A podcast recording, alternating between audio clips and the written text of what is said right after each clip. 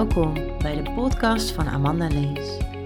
De podcast waarin je wekelijks tips en inspiratie ontvangt over hoe jij je als bewuste vrouw het allerbeste kunt voorbereiden op een gezonde zwangerschap.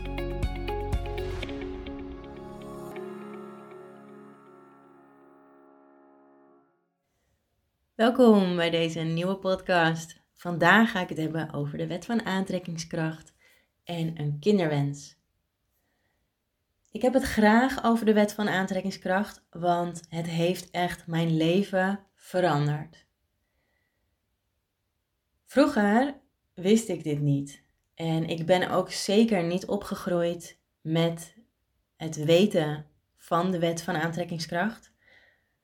Want, um, nou ja, bij ons was het gewoon heel simpel. Je moet bijvoorbeeld hard werken om geld te verdienen. Je moet bijvoorbeeld hard leren om een toets te kunnen halen. Als je niet leert, dan slaag je niet voor de toets. Dat soort simpele kleine dingetjes. Dus dat is een overtuiging die ik al meegekregen heb als kind zijnde. En op het moment dat ik dan bijvoorbeeld niet ging leren voor een toets, dan haalde ik hem ook niet. Maar het gekke was, ik had de kennis wel.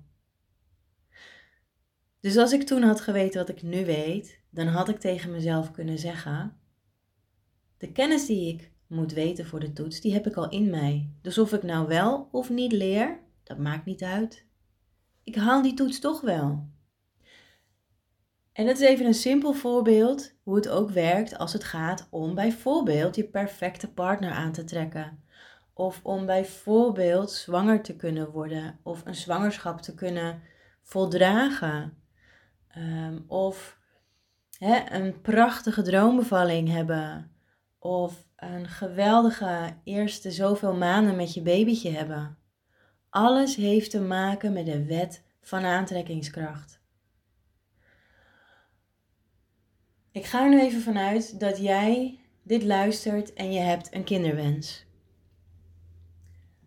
Op het moment dat jij waarschijnlijk besloten hebt dat jij ehm, moeder of vader wil worden, dan komt dat ergens vandaan. En het is voor mij altijd in mijn werk als Adula heel handig om te weten: um, willen beide partners echt een baby?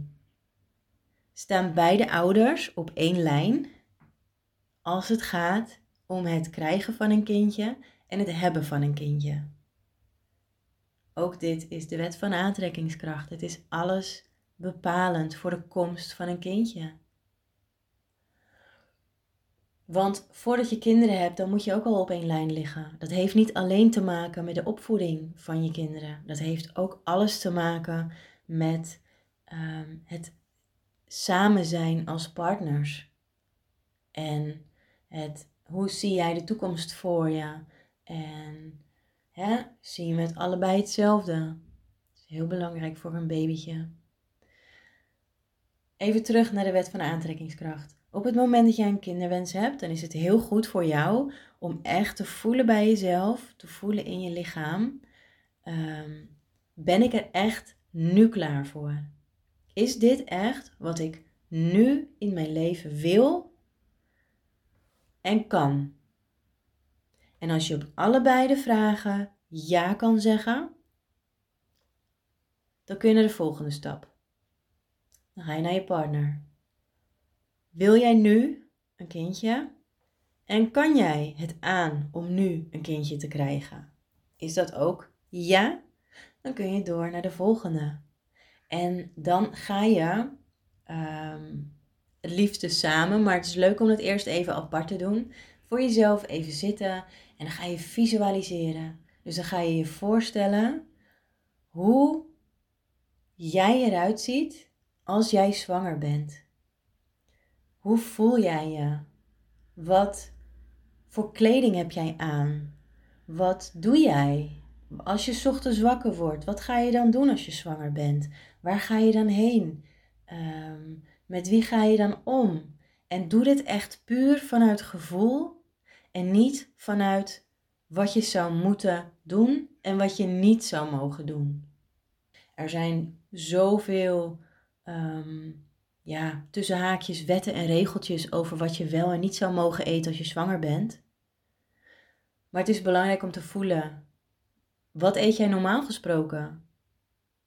En uh, is dat gezond voor jouw lichaam? En dus, is dat gezond voor jouw baby?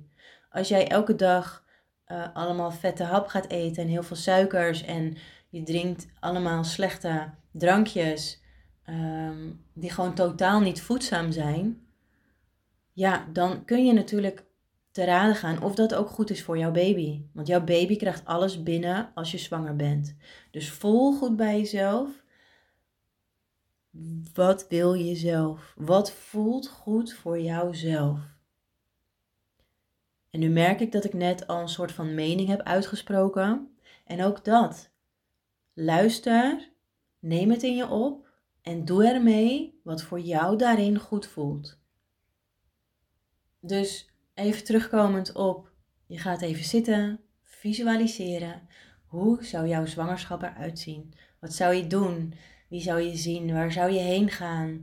Ehm, en ook, hè, hoe ziet jouw huis er nu uit? En waar komt jouw baby te slapen? Wat voelt goed voor jou in plaats van wat zou je moeten doen? Um, wat ik altijd zo leuk vind om te zien, en ik heb dat zelf ook gedaan hoor, is toen ik zwanger was uh, van mijn oudste dochter. Toen, dat was mijn eerste geboren kindje. Um, toen was het zo, je hoort een babykamer te hebben. Met een ledikantje en een commode en prachtige schattige schilderijtjes aan de muur. Dus die kamer was echt perfect klaar.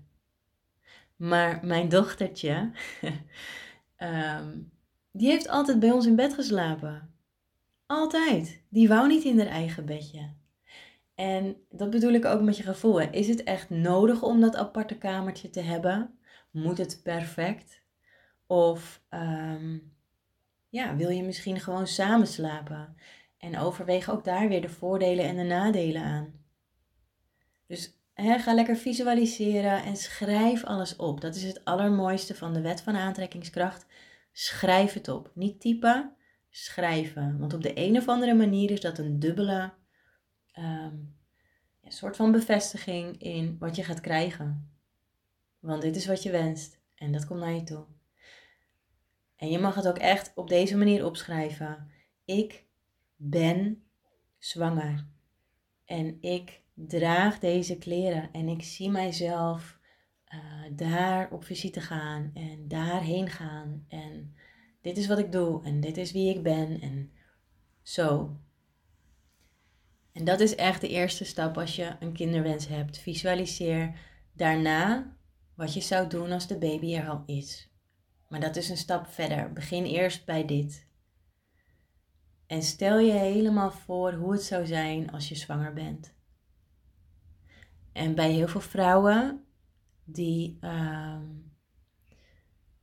die al een poosje een kinderwens hebben, die onvervuld is nog steeds, is het natuurlijk hartstikke logisch dat dat stemmetje op komt zetten. Van ja, maar het lukt toch niet.